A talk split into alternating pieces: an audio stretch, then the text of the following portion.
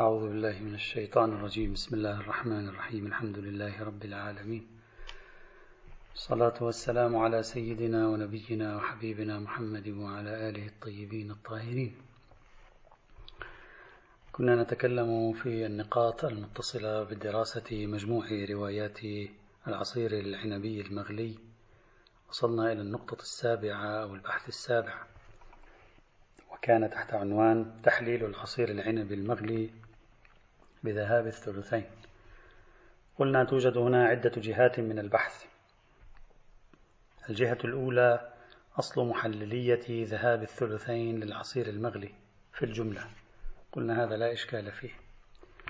الجهة الثانية هل تعتبر النار في التحليل أو يمكن أن يقع التحليل بذهاب الثلثين ولو بغير النار؟ ذكرنا وجهات النظر المطروحة في هذا الموضوع وتوصلنا إلى أن ذهاب الثلثين مطلقا كاف سواء كان بالنار أم بغيرها. الجهة الثالثة في هذا الموضوع اعتبار الغليان بالنار وعدمه في محللية ذهاب الثلثين. قلنا المراد من هذا البحث الذي وصلنا إليه هو أنه لا خلاف في أنه لو ذهب الثلثان بالنار أو بغير النار حل الثلث الباقي. بصرف النظر عن قضية النار أو غيرها حل الثلث الباقي. لو كان العصير قد غلا وحرم نتيجة وضعه على النار. يعني لو وضعنا العصير العنبي على النار فغلا حرم. وإذا ذهب ثلثه حل. الكلام هنا ماذا لو غلا العصير العنبي بنفسه فحرم؟ فهل إذهاب ثلثيه يوجب حليته أو لا؟ ذكرنا أنه يوجد انقسام في الرأي بين الفقهاء هنا. الرأي الأول ما لعله المشهور من أن ذهاب الثلثين موجب لتحليل العصير المغلي مطلقا سواء كان قد غلا من الأول بنفسه أم بالشمس أم بالنار أم بأي سبب من الأسباب. والرأي الثاني قلنا ما ذهب إليه بعض المتأخرين واشتهر به شيخ الشريعة الإصفهاني وكذلك اشتهرت نسبته إلى ابن حمزة في الوسيلة من التفصيل. قالوا العصير إذا غلا بنفسه لا يحل إلا بصيرورته خلا وإذا غلا بالنار فهو يحل بذهاب الثلثين. ذكرنا أن هذا الرأي بدأ وكأنه شاذ لذلك حاول شيخ الشريعة أن يقول أنه لا هذا الرأي ليس بشاذ سابقا كان يوجد علماء يقولون بذلك. لا يهمنا أنه شاذ أو غير شاذ المهم ماذا تعطيه الأدلة.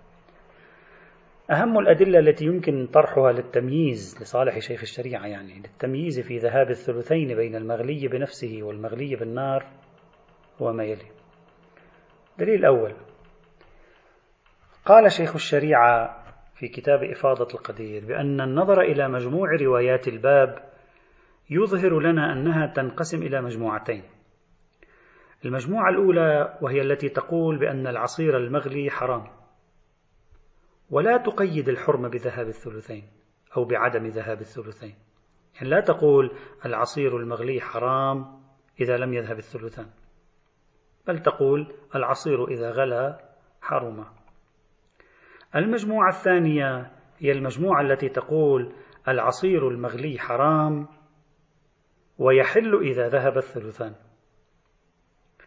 يقول شيخ الشريعة لو تأملنا في المجموعة الثانية أي تلك التي تتكلم عن حلية العصير المغلي إذا ذهب ثلثاه لوجدنا أن موضوعها محل بحثها محل بحثها هو المغلي بالنار أو الطبخ. أما المجموعة الأولى أصلا لم يذكر فيها سبب الغليان وهذا معناه أنها غلت بنفسها. هذا التمييز بين المجموعتين متعمد من قبل الأئمة بحسب رأي شيخ الشريعة. لأن هذا معناه أن العصير إذا غلى بنفسه وهي المجموعة الأولى فسيبقى حراما لا يحلله ذهاب الثلثين. بينما إذا غلا بالنار فسيكون حراما إلا إذا ذهب الثلثان. فحاصل ضم المجموعتين إلى بعضهما يعطينا أن ذهاب الثلثين يحلل العصير الذي كان قد غلا بالنار وحرم بالغليان بالنار بينما الذي غلا بنفسه لا يحلله ذهاب الثلثين إذا فلا يحلله إلا التخليل يعني الانقلاب خلا. طبعا نحن تكلمنا عن روايات المجموعة الأولى سابقا تحدثنا عنها إذا تذكرون قلنا بأن تلك الروايات لا يعلم أنها ناظرة أصلا إلى موضوع العصير العنبي المغلي بالنار وإنما هي ناظرة إلى الاختمار الطبيعي وبالتالي تكون مقتربة من فكرة الخمر. لذلك نحن من الذين يوافقون على أن القدر المتيقن من مفاد الروايات الأربع المطلقة الأولى اللي هي المجموعة الأولى أربع روايات. مفاد رواياتها هو الغليان الذاتي. والمفروض أنه لا يوجد فيها دليل على التحليل بذهاب الثلثين. إذا يكون الحق مع شيخ الشريعة هنا وهو أن العصير الذي دلت النصوص على ذهاب ثلثيه موجب لحليته مختص بما غلا بالنار ونحو النار. أما ما غلا بنفسه فلا يوجد عندنا دليل على حليته بذهاب الثلثين. فلذلك يبدو لي أن كلام شيخ الشريعة في هذا الدليل الأول حتى الآن قابل للقبول. الدليل الثاني. قالوا في هذا المورد بأن الروايات المطلقة هنا أي التي ليس فيها يعني المجموعة الأولى ليس فيها قيد الغليان بالنار قالوا هذه الروايات تشمل حالة الغليان الذاتي والغليان بالنار. يقول غلا وهي أعم من الغليان الذاتي والغليان بالنار. بينما الروايات الخاصة يعني المجموعة الثانية لا تستوعب إلا حالة الغليان بالنار. طيب. إذا لو بقينا نحن والروايات المطلقة أي المجموعة الأولى لزمنا أن نقول بحرمة العصير العنبي المغلي مطلقا بأي نوع جاء هذا الغليان؟ ولا يحلله ذهاب الثلثين. لكن لما جاءت روايات المجموعة الثانية قيدت حرمة العصير العنبي المغلي بالنار بأنه يحلل بذهاب ثلثيه فحرمته مقيدة بعدم ذهاب ثلثيه إذا المجموعة الأولى تقول كل عصير مغلي حرام مطلقا. ذهب الثلثان أو لا؟ المجموعة الثانية تقيد المجموعة الأولى تقول العصير المغلي بالنار إذا ذهب ثلثا حل. فتقيد المجموعة الثانية المجموعة الأولى وتبقى, المج... وتبقى حينئذ العصائر المغلية بنفسها على إطلاق التحريم حتى لو ذهب الثلثان حينئذ. هذا الدليل لو تأملناه مركب من جزئين صار. الجزء الأول إن الروايات التي لا تذكر سبب الغليان مطلقة تشمل الغليان الذاتي والغليان بالنار. وهذا الذي كنا سابقا قد ناقشناه. وقلنا الروايات التي تطلق كلمة الغليان ولا تتكلم عن الغليان بالنار بالتصريح والتلويح هذه لا يعلم فيها الإطلاق. لم يثبت فيها إطلاق. قدرها المتيقن الغليان الذاتي بل توجد قرائن على الغليان الذاتي فيها إذا تذكرون. إذا نحن الجزء الأول هذا لا نوافق عليه في الدليل الثاني. أما الجزء الثاني فهو أن روايات المجموعة الثانية خاصة بحالة الغليان بالنار لا مطلقا. هذا الجزء الثاني من, من هذا الدليل الثاني هو أن روايات المجموعة الثانية خاصة بحالة الغليان بالنار لا مطلقا أشكل عليها بعدة إشكالات. الإشكال الأول ما ذكره السيد الشهيد الصدر. قال توجد رواية تحلل رواية تحلل بالذهاب بالنار وموضوعها مطلق العصير المغلي. يعني أنتم قلتم بأن روايات الذهاب الثلثين موضوعها فقط العصير المغلي بالنار. لا توجد رواية تتكلم عن التحليل بذهاب الثلثين وموضوعها مطلق العصير المغلي بالنار أو بغيره أو بذاته حتى. طيب سيدنا ما هذه الرواية يقول وهي خبر محمد بن الهيثم؟ عن رجل عن الإمام الصادق عليه السلام. هذه الرواية هي الرواية رقم ستة من الروايات التي نقلناها سابقا. هذه الرواية جاء فيها هكذا إذا تذكرون. سألته عن العصير يطبخ بالنار حتى يغلي من ساعته فيشربه صاحبه. قال إذا تغير عن حاله وغلا فلا خير فيه حتى يذهب ثلثاه ويبقى ثلثه. هذه الرواية بحسب صدرها سؤال السائل موضوعها واضح المطبوخ بالنار. لذلك عجيب أن السيد الشهيد الصدر يذكر هذه الرواية ويقول موضوع الحكم فيها هو مطلق العصير المغلي الأعم من المغلي بالنار أو بغيره. لكن مع ذلك يصر السيد الشهيد على أن موضوع هذا الحكم الوارد في الرواية أعم. كيف؟ يقول نتمسك بالإطلاق الوارد في الجواب. فإن الإطلاق الوارد في الجواب لا يختص بسؤال السائل بل هو عام. يعني الإمام ماذا قال؟ قال إذا تغير يعني العصير إذا تغير عن حاله وغلا فلا خير فيه حتى يذهب هذه الجملة مطلقة. طيب ما قرينتك على هذا الإطلاق؟ يقول قرينتي على هذه العمومية والإطلاق. جملة إذا تغير عن حاله وغلا. نعرف بهذه الجملة أن الضمير لم يعد يرجع إلى الواقع المسؤول عنها في سؤال السائل. لأن المفروض أن الغليان ذكر في سؤال السائل. فلماذا الإمام يعيد ويكرر يقول إذا تغير عن حال وغلى هو يسأله يقول له سألته عن العصير يطبخ حتى يغلي فيقول له إذا تغير عن حاله وغلى فلا خير. لماذا هذا التكرار؟ كان يفترض لو أن الإمام ناظر إلى خصوص سؤال السائل أن يقول هكذا لا خير فيه. حتى يذهب ثلثاه ويبقى ثلثه. نفس مجيء الإمام بصدر هذه الجملة بطريقة إذا تغير عن حاله وغلاه مؤشر على أنه يريد أن يعطي قاعدة عامة تشمل سؤال السائل وتتسع إلى ما هو أبعد منه. بل أكثر يمكن الترقي وهذه وعن تكلم الآن نحن ما زلنا نطرح رأي سيد شيد صدر. بل أكثر يمكن الترقي في المقام. بادعاء أن هذه الرواية ليست تتكلم عن الغليان الأعم من الغليان بالنار وغيره بل ندعي أنها خاصة بالغليان بالنار. آه، عفوا خاصة بالمغلي بنفسه. آه، عجيب. كيف هذه؟ السؤال عن الغليان بالنار. كيف تكون هذه الرواية خاصة بالمغلي بنفسه؟ يقرب السيد الصدق يقول يقول كلمة حتى إذا تغير عن حاله وغلا. لاحظوا الرواية هكذا تقول. إذا تغير عن حاله وغلا فلا خير فيه حتى يذهب ثلثا. حتى عفوا بالسؤال بالسؤال ليس بالجواب. سألته عن العصير يطبخ بالنار حتى يغلي من ساعته. هذه حتى هنا ماذا تعني؟ في احتمالين أنها لبيان الغاية أي يطبخ إلى أن يغلي من ساعته. هذا احتمال الأول الاحتمال الثاني بيان التعليل يعني يطبخ لكي يغلي من ساعته. طيب ما معنى التعليل هنا؟ شو يعني تطبخه حتى يغلي من ساعته؟ معنى التعليل هنا هو أن الخمارين الذين يشتغلون على صناعة الخمور طريقتهم هكذا حتى يجعلوا العصير العنبي يسرع للتخمر الذاتي. ماذا يفعل؟ يطبخونه. يطبخونه يتركونه يتركونه يغلي بنفسه. فيكون معنى الرواية هكذا العصير يطبخ لكي يترك فيغلي بنفسه بعد ذلك في أسرع وقت من ساعته يعني في أسرع وقت.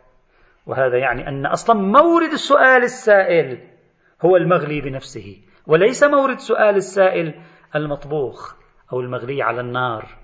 صحيح وضع على النار. لكن وضعه على النار ليس له خصوصية هنا. وضع على النار لكي يكون ذلك تمهيدا لتركه لكي تقع عملية الغليان الذاتي. من وجهة نظر السيد الصدر. والسيد الصدر يرجح احتمال التعليل هنا بما يصحح له أن يجعل هذه الرواية دالة على ما يدعي. يقول والأقرب احتمال التعليل. لماذا؟ قال عندي قرائن أيضا. طيب ما هي القرائن؟ القرينة الأولى. قال كلمة من ساعته. لو كان المراد يطبخ الغاية من كلمة حتى يطبخ إلى أن يغلي فما معنى من ساعته؟ ما هو المفروض أن الغليان مأخوذ في كلمة حتى يغلي فما معنى يطبخ حتى يغلي؟ يعني إلى أن يغلي. ما هو يطبخ يعني يغلي. هو يطبخ يعني يغلي. الطبخ ما معنى الطبخ؟ يعني يغلي. فإذا كان المراد يطبخ وغاية الطبخ الغليان هو لا معنى له لأن الطبخ يتضمن الغليان. فلا معنى لأن يكون بينما لو كان التعليل تصبح واضحة يعني يطبخ لكي يترك لكي يغلي بنفسه لا لكي يغلي بالنار. وهذا يرجح التعليل. هذه القرينة الأولى. القرينة الثانية قال يطبخ بالنار حتى يغلي. هذا التعبير الطبخ لا يصدق إلا مع الغليان أصلا. أصلا لا طبخ إلا مع غليان. فلا معنى لفرض الغليان غاية للطبخ. وأن تقول لي الطبخ يعني مجرد وضعه على النار هذا خلاف الظاهر عرفا قرينة الثالثة. قال إذا تغير عن حاله وغلا قلت ما معنى تغير الحال؟ يعني تغير الطعم. هذا في جواب الإمام. تغير الحال يعني تغير الطعم. ميله إلى الاشتداد في الغليان بالنار. هذا متى يكون؟ يكون بعد الغليان. أما في الغليان بنفسه فميله إلى الاشتداد يكون قبل الغليان فهذا منسجم مع الغليان الذاتي. هذا حاصل ما أفاده السيد الشهيد الصدر الذي يعني بهذا أثبت وجود رواية تجعل التحليل بذهاب الثلثين واردا في الغليان الذاتي فأبطل بذلك دعوى شيخ الشريعة في هذا الدليل الثاني.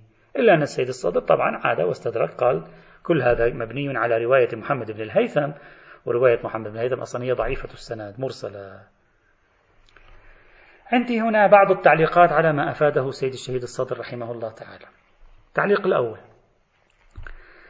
افتراض السيد الشهيد أن الجواب في رواية محمد بن الهيثم عام غير مختص بمورد السؤال هو فرضية أصلا في حد نفسها بعيدة لأنها قامت على ماذا هذه الفرضية؟ قامت على أن الإمام لا يمكن له أن يكرر جملة أخذت من كلام السائل ليضعها موضعا موضوعا للحكم الذي يريد بيانه.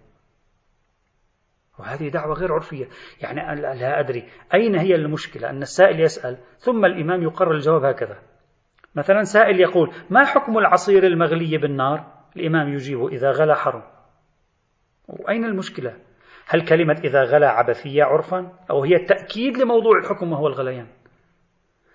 في تقديري التعامل مع النصوص بهذه الحدية وكأن الإمام يتمنع عن النطق بكلمة زائدة واحدة. هذا نوع من إسقاط اللغة الفقهية والأصولية المعاصرة المشتهرة بضغط عبائرها على كلمات النبي وأهل البيت عليهم السلام وعلى كلمات السابقين، وهذا شيء غير واضح لي عرفا، خاصة وأن النقل بالمعنى، خاصة وأن النقل غالبه بالمعنى أو لا أقل لا يحرز أنه باللفظ. فالسائل هكذا سأل، ها نقرأ الرواية مرة أخرى، السائل هكذا سأل، قال: العصير يطبخ بالنار حتى يغلي. قال إذا تغير عن حاله وغلا فلا خير فيه. أي إشكال في أن يكرر الإمام مفروض السؤال؟ وكلمة حاله ترجع حينئذ إلى السؤال نفسه. يعني هذا العصير الذي طبخته إذا تغير عن حاله وغلا لا أدري هل في ذلك عيب عرفي حتى نقول تكراره سؤال السائل مفروض سؤال السائل لكي يصب عليه الحكم؟ هذا لا معنى له. تكرار عبثي. لا أرى أن العرف يعتبرون ذلك عبثا إطلاقا. بل هو أمر طبيعي جدا فلا يكون ظاهرا في المعنى الذي أراده السيد الشهيد. هذا التعليق الأول. التعليق الثاني. كلمة من ساعته تحتمل ما أفاده السيد الشهيد لكن هذا لا يمانع الاجتماع مع فرضية الغليان بالنار أيضا. يعني ما المراد من من ساعته حينئذ؟ يعني يراد منه الشخص يضع العصير على النار فيغلي في لحظته فيشرب منه صاحبه. يعني معنى كلمة من ساعته ليس سوى تعبير عن سرعة حصول الغليان له وهو على النار. فيقدم صاحبه على شربه في تلك اللحظة وأي بعد في هذا التركيب. في مقابل غليانه مثلا بعد مرور وقت طويل على وضعه على النار. لا أدري وين المشكلة في هذا. يعني أنا أقول مثلا بهذه الطريقة أقول مثلا أضع الطبيخ على النار فيطبخ من ساعته فآكل منه. يعني كناية عن ماذا؟ كناية عن سرعة استوائه. ما دام هذا الأمر محتملا إذا لا يستظهر ما فهمه السيد الشهيد ليأتي بدليل في مقابل كلام آه، شيخ الشريعة الأصفهاني. هذا تعليق الثاني. تعليق الثالث. تعبير يطبخ. قال السيد شهيد يطبخ لا معنى لأن نفهم يطبخ يعني وضع على النار فلا بد أن يكون يطبخ يعني غلا. لا تعبير يطبخ لا يساوق الغليان قهرا. الاستخدامات اللغوية أكثر يسرا. ليس هناك مانع من التعبير بيطبخ وهو بعد لم يصل إلى درجة الغليان. مثلا لو وضعت أنت طعام أو مرق على النار وبدأت. وبدأت الحرارة تصل إلى ما في الداخل يصح لغة وعرفا لو سألوك ماذا تفعل تقول أطبخ هذا الطعام بعد لم يغلي. فلا تعني كلمة يطبخ يعني مجرد الوضع على النار في اللحظة الزمنية الأولى في الآن الأول. بل تعني كونه على النار تتسرب فيه الحرارة ويستعد للغليان. وهذا يصدق عليه عرفا أنه يطبخ. فإذا يطبخ مثلا حتى يغلي يطبخ حتى يغلي إلى آخره. طبيعي. يعني يوضع على النار فيمر عليه زمن معين فيغلي. لا أجد في ذلك أي عيب عرفي في مثل هذا الاحتمال الذي سيبطل الاحتمال الذي طرحه السيد الشهيد. تعليق الرابع. تركيب تغير عن حاله وغلا. لا أجد مانعا أيضا من استخدامه في الغليان بالنار. يعني عرفا هو ماذا يريد أن يقول؟ هو لا يريد أن يقول إلا هكذا. هذا العصير بعد وضعه على النار إذا لاحظتم تغيره وحصول التحول فيه والغليان فهو حرام. لا موجب لأن نفرض أن الواو في وغلا تشير إلى العطف العطف الترتيبي. تغير عن حاله وغلا. يعني تغيرت حالته الأولى بحيث غلا. وهذا أيضا عرفي. إذا خلاصة ما أريد أن أقول. إن جميع الإشارات التي طرحها السيد الشهيد محمد باقر الصدر تجعل الرواية تحتمل ما يريده هو. أنا لا أمانع الاحتمال. أما أنها ستكون ظاهرة فيما يريده هو لكي يشكل من خلالها دليلا معاكسا للمعطيات التي طرحها شيخ الشريعة الأصفهاني فيبدو لي ذلك أمرا عسيرا. ولا أقل الرواية مجملة إذا مجملة سقط عن الاستدلال بها للطرفين وهذا هو الذي يريده شيخ الشريعة. إذا صار عندنا دليلين لمصلحة شيخ الشريعة حتى نستذكر. الدليل الأول مجموعات الروايات على قسمين روايات الغليان الذاتي وروايات الغليان بالنار. روايات الغليان الذاتي ليس فيها فكرة الثلثين روايات الغليان بالنار فيها فكرة الثلثين. إذا الغليان الذاتي لا علاقة له بالثلثين. وقلنا هذا الدليل تام. الدليل الثاني الروايات الأولى مطلقة تشمل الغليان الذاتي والغليان بالنار. الروايات الثانية مقيدة تقيد الروايات الأولى فنقول الغليان الذاتي نتيجة الغليان الذاتي لا يرتفع بذهاب الثلثين تحريمه بينما الغليان بالنار يرتفع بذهاب الثلثين. هذا أشكل عليه بأكثر من إشكال. الإشكال الأول كان إشكال السيد الشهيد الذي تمسك بخبر محمد بن الهيثم الذي حاول من خلاله العثور على رواية يمكنها أن يكون مفروضها الغليان الذاتي ومع ذلك تكلمت عن التحليل بذهاب الثلثين. قلنا هذه المحاولة ليست واضحة ولا موفقة هذه أول. ثانيا يعني النقد على الدليل الثاني. ما ذكره السيد الخوي. السيد الخوي قال إن من بين المجموعة الثانية اللي هي تتكلم عن الغليان بالنار والتحليل بذهاب الثلثين فيما غلى بالنار قال من بينها توجد رواية مطلقة ليس لها اختصاص بالمطبوخ. وهي عبارة عن خبر عبد الله بن سنان اللي إحنا نقلناه سابقا برقم تسعة. وهو خبر معتبر عند المشهور أيضا. قال إن العصير إذا طبخ حتى يذهب ثلثاه ويبقى ثلثه فهو حلال. العصير في هذه الرواية مطلق. معنى ذلك الرواية تفيد أن ذهاب الثلثين يرفع حرمة مطلق العصير سواء غلى بنفسه أو أغلي بالنار حتى يذهب ثلثاه. أو أنه لم يغلي بنفسه قبل غليانه بالنار. حتى أن السيد الخوي يقول بأن العصير الموجود في دكاكين المخللين وصناع الخل والدبس وما شابه ذلك يقول أغلبه من النوع الأول. أغلبه من النوع الأول لأن العصائر عندهم كثيرة هم لا يتمكنون من جعلها دبسا دفعة واحدة. فلذلك تبقى هذه العصائر في دكاكينهم أياما حتى تأتي نوبتها لكي يغلوها فيحصل فيها نشيش ثم بعد ذلك يقدمون على غليها بالنار. فيذهب الثلثان. إذا هي غلت بنفسها ثم يقدمون على غليها بالنار ثم يذهب الثلثان في مثل هذه الحال. فإذا إن العصير إذا طبخ حتى يذهب ثلثه ويبقى ثلثه فهو حلال مطلقة. مطلقة تشمل العصير الذي طبخ دون أن يسبقه غليانه بنفسه والعصير الذي طبخ وكان قد سبقه الغليان بنفسه. وكان قد سبقه الغليان بنفسه. وبالتالي يرتفع ما طرحه شيخ الشريعة الأصفهاني. طبعا مركز هذا الكلام الذي يطرحه السيد الخوئي في فهم هذه الرواية أنها ناظرة عرفا إلى ما يحلل العصير المحرم. هل هي ناظرة إلى ما يحلل العصير المحرم؟ أو هي ناظرة إلى العصير المطبوخ؟ وأنه لو طبخ بطريقة ذهاب الثلثين كان حلالا. أما لو طبخ بطريقة لا يحصل فيها ذهاب الثلثين تكون مثلا محرمة. سيد الشهيد الصدر رجح الفهم الثاني إلا أن الفهم العرفي يرى أن الرواية بتقدير الناظر إلى مطلق العصير المحرم مسبقا. وتريد أن تفيد خليته بذهاب ثلثيه بالطبخ. يعني مطلق العصير المحرم مسبقا إن العصير إذا طبخ هكذا. يعني يريد أن يقول مطلق عصير إذا طبخ حتى يذهب ثلثه الحلال. فالرواية نعم يمكن التمسك بالإطلاق فيها كما فعل السيد الخوئي. يمكن التمسك بالإطلاق فيها كما فعل السيد الخوي إلا إذا شخص قال أنها منصرفة إلى غير المغلي بنفسه بافتراض أن المغلي بنفسه مثلا مسكر وخمر وهو لا يحل إلا بالإنقلاب مثلا لكن قد يقال لا ليس هناك انصراف بناء على الدعوة التي ادعاها السيد الخوي من أنه أكثرهم هكذا يتورطون في وقوع الغليان بنفسه ثم يقدمون على غليه بالنار ليجعلوه دبسا. إذا ظاهر الرواية للوهلة الأولى ظاهرها الإطلاق. وبهذا يتبين بناء على انتصارنا لرأي السيد الخوئي يتبين أن الدليل الثاني لشيخ الشريعة الأصفهاني منقوط في جزئه الأول. يعني الدليل الثاني الذي هو لصالح شيخ الشريعة منقوط في جزئه الأول. أما جزئه الثاني لا موجب لنقضه إلا رواية واحدة وهي خبر عبد الله بن سنان. هنا إذا بنينا على حجية الخبر الثقة كلام السيد الخوئي يفهم منه حينئذ الصحة. أما إذا بنينا على حجية الخبر الموثوق رواية واحدة لا تستطيع أن تغير قواعد البحث في المقام كما هو واضح. فيكون حينئذ الدليل الثاني لمصلحة شيخ الشريعة غير دقيق. الدليل الأول دقيق. الدليل الثالث. الاعتماد على روايات خاصة يمكنها أن تثبت مدعى شيخ الشريعة. وذلك بأن يقال بأن عندنا روايتين في المقام. الرواية الأولى خبر عبد الله بن سنان اللي هو رقم واحد من الروايات السابقة.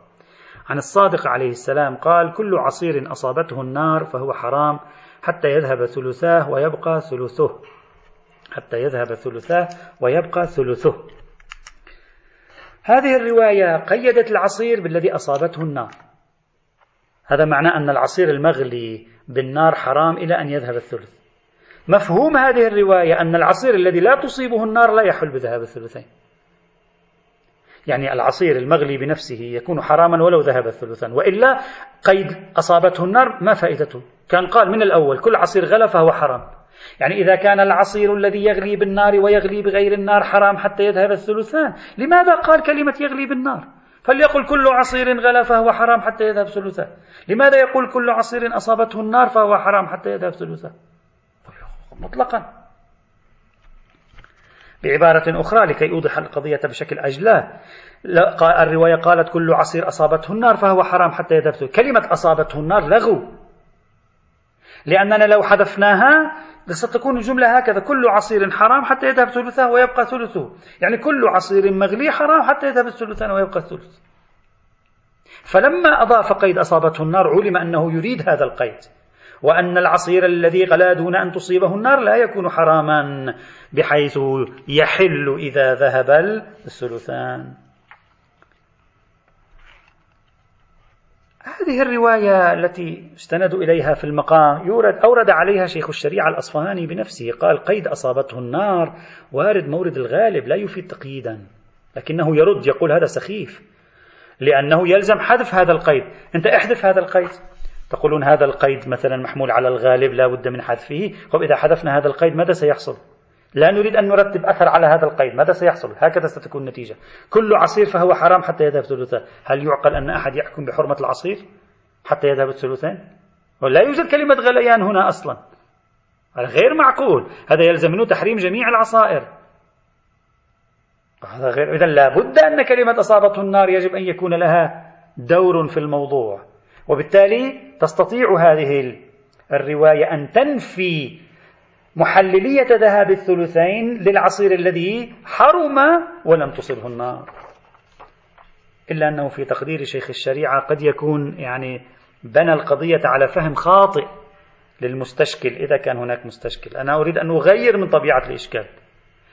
القضية هكذا.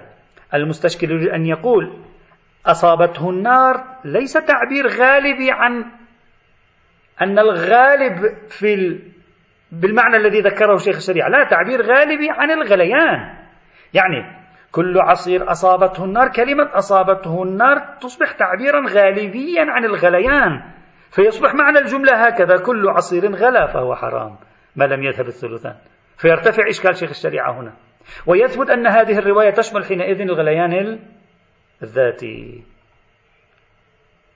طبعا هذا يحتاج إلى إثبات ادعاء الغلبة يعني أن حمل أصابته النار على الغلبة يحتاج إلى إثبات الغلبة بصرف النظر عن هذا الموضوع. هذا الإشكال الأول الذي يورد على الاستدلال آه، يعني بهذه ليس الإشكال هذا الإشكال الذي يورد على الاستدلال بهذه الرواية. الرواية الثانية خبر عمار بن موسى الصاباطي. قال وصف لي أبو عبد الله عليه السلام المطبوخ كيف يطبخ حتى يصير حلالا. فقال لي خذ ربعا من زبيب وتنقيه أو ونقه وصب أو وتصب عليه اثني عشر رطلا من ماء ثم انقعه أو تنقعه ليلة فإذا كان أيام الصيف وخشيت أن ينش جعلته في تنور مسجور أو مسخون قليلا حتى لا ينش ثم تنزع الماء منه كله إلى أن قال ثم تغليه بالنار ولا تزال تغليه حتى يذهب الثلثان ويبقى الثلث. هذه الرواية التي رواها الشيخ الكليني في الكافي شيخ الشريعة الأصفهاني قال كثيرون لم يفهموا هذه الرواية. وهذه الرواية لصالحي. كيف؟ قال الإمام هنا أمره بالغيلي حتى يذهب الثلثان. لماذا؟ يحذره من نشيش نقيع الزبيب في الصيف. والمفروض أنه لا فرق بين غليانه الذاتي ونشيشه وبين غليانه على النار. وهذا يؤكد أن غليانه الذاتي يحدث فيه الإسكار ولا يحلله ذهاب الثلثين لأن كل خمر مسكر. بينما لو غلى بالنار حتى يذهب الثلثان فهذا يمنع عن إسكاره ويصير دبسا. وهذا معناه أن ذهاب الثلثين محلل لما غلى بالنار لا لما غلى بنفسه.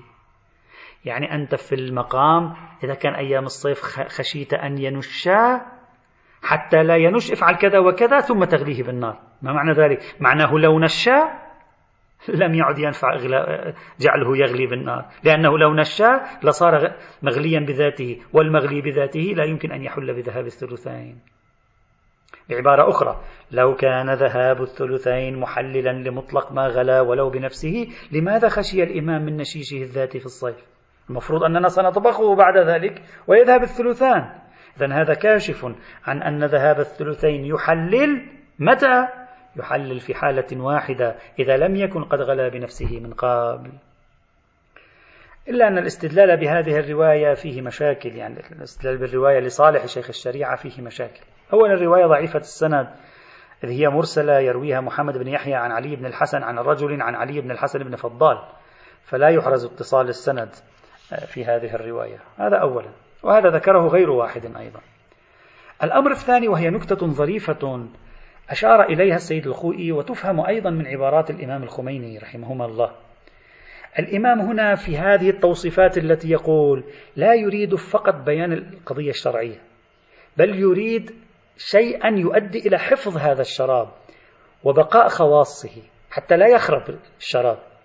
فيأمر بوضعه في تنور حتى لا ينش في الصيف. لماذا؟ لأنه لو تعرض الشراب للحرارة تخليه في تنور مسجور إذا تعرض للحرارة كان أبعد عن الفساد لأنه أبعد عن الميكروبات حينئذ. بخلاف ما لو ترك لوحده فإنه يسرع إليه الفساد. الحرارة تقتل الميكروبات مثلا تجعله أدوم. وهذا ما يعتمد عليه المصنعون اليوم. الإمام خشيته ليست من الإسكار. عندما قال له ضعه في نشي في في آه، تنور مسجور حتى لا ينوش. ليست خشيته من الإسكار. حتى نقول مثلا لا يمكن بذهاب الثلثين التحليل. بل خشيته من أنه لو حصل فيه ذلك سوف يفسد. ولا يمكن استخدامه في بعد ذلك. ستصير فيه حموضة. ما يفقده مثلا الخواص المطلوبة أو الخواص العلاجية أو ما شابه ذلك. ممكن هذه الرواية بصرف النظر عن يعني فضائها العلمي. تكون هذا التوجيه للرواية ممكن أن يكون مقبولا. لأن في الرواية إذا أكملنا قراءتها إشارات إلى تفاصيل تتعلق بجوانب غير شرعية. مثلا تجد الإمام يقول له مثلا يعلمه كيف يخلط العسل والزعفران. تفاصيل لا تبدو عليها أنها بصدد أمر شرعي فقط وإنما بصدد كيفية صناعة هذا النوع من الأطعمة المفيدة أو النافعة مثلا في هذا المجال. لا أقل لا أقل ما ذكره شيخ الشريعة يكون محتملا لكنه لا يبلغ حد الظهور في مثل هذه الحال. هذا الدليل الثالث الذي يمكن أن يذكر لمصلحة شيخ الشريعة الأصفهاني آه، في هذا المضمار. ونتيجة البحث في هذه آه، الجهة الثالثة من البحث السابع إن دليل ذهاب الثلثين يثبت تحليل ما غلا بغير الغليان الذاتي. أما ما غلا بنفسه فنقول إن ثبت أنه حقيقة أخرى مختلفة عن ظاهرة الغليان بالنار أو شككنا في ذلك حينئذ نقول المقدار المتيقن التحليل بذهاب الثلثين فقط. في ما غلى بالنار. أما في هذا فلا يوجد دليل يثبت التحليل بالغليان بذهاب الثلثين. أو ما إذا قلنا ليس هناك حقيقة أخرى هي نفس الظواهر الكيميائية. لا فرق في عملية الغليان اللي هي في نقاش هل الغليان بنفسه يساوي الإسكار أو هو يسبق الإسكار سيأتي. أما إذا قلنا إذا قلنا بأنه ليس حقيقة أخرى يعني غلا بنفسه أو غلا على النار هو نفسه نفس خصائص العصير بنفسه. إذا قلنا ذلك فيمكن للإنسان عرفا أن يرفع الخصوصية ويقول ذهاب الثلثين. إذا كان يعطي نفس نتيجة ذهاب الثلثين فيما غلا بالنار فلا خصوصية في المقام تعبدية إلى هذا الحد. وهذه نقطة سوف نرجع إليها قريبا إن شاء الله تعالى. الجهة الرابعة من البحث السابع كيفية تقدير ذهاب الثلثين. كيف نعرف أنه ذهب الثلثان؟ هل نقدر بالوزن؟ نقدر بالمساحة نقدر بالحجم هذا أيضا فيه بحث يأتي إن شاء الله تعالى. والحمد لله رب العالمين.